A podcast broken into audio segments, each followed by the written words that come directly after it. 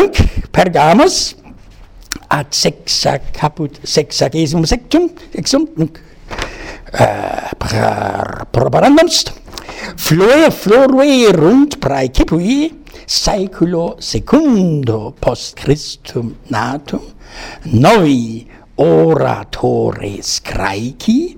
omnes attigistae Ergo, quod nun haec, haec omnis secta quasi pendet ab illo atichismo de quo ante adixi novi oratores graeci quorum multi se sophistas dixerunt quoniam et rhetoricam decoerunt et orationes habuerunt unde tota haec disciplina sophistica secunda vocator zweite sophistik quantum scio hoc nomen invenit ervinus rode libro suo der griechische roman und seine vorläufer. Quem vobis maxime commendo puto neminem melius descripse hanc descripsisse hanc secundam sophisticam quam dixit. Äh, Erwin Rode erat amicus Friederici Nietzsche is eh, uh, he uh, he jam eh, uh, quodam do ipsi uh, se se hai hi di gebant secundos sophistas coniam veterem sophisticam distingeba distinguebant qua in, incepisset coepisset esse a uh,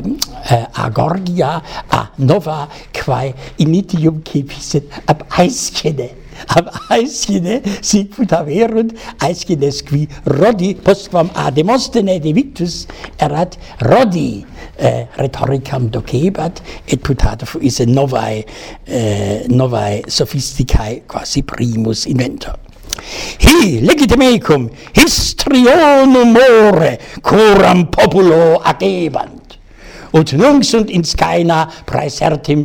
cantores, sive cantatrices, diven, so ich sie quasi divin,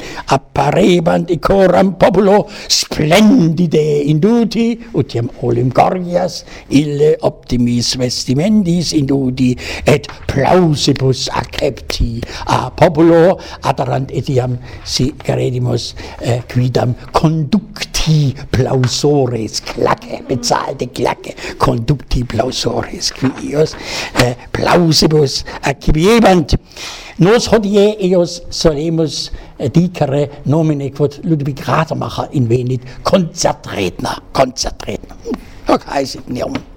Quorum mores non semmel derisit Lucianus. Samosatensis hoc nomen certe audivistis Luciani qui scripsit deal uh, eh, dialogos mortuorum deorum retricum et cetera uh, is etiam saepe castigavit illos reto res praesertim inscripto cui titulis est reto retorum praeceptor retoron didascalus uh, eh, in ipse in ipse se se in oratione quadam defendit quod rhetoricam ipse deseruerit eh, ta erat erat tamen eh, ex magna parte ipse orato. Optimus autem fuit dio chrysostomus orator et philosophus cynicus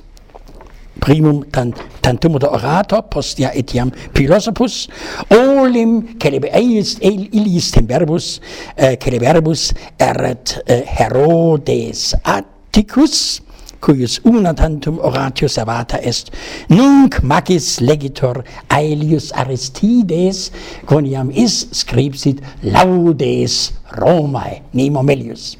Imperium romanum dicis dixit esse quasi unam polin e pluribus civitatibus congregatam hic erat Aelius Aristides, maxime fecundus certe erat Libanius, qui saeculo quarto Constantinopoli et Antiochiae rhetoricam docuit ex eius disciplinae provenerunt plurimi Christiani oratores, is autem celebravit maxime imperatorem Julianum qui erat adversarius acerimus Christianorum.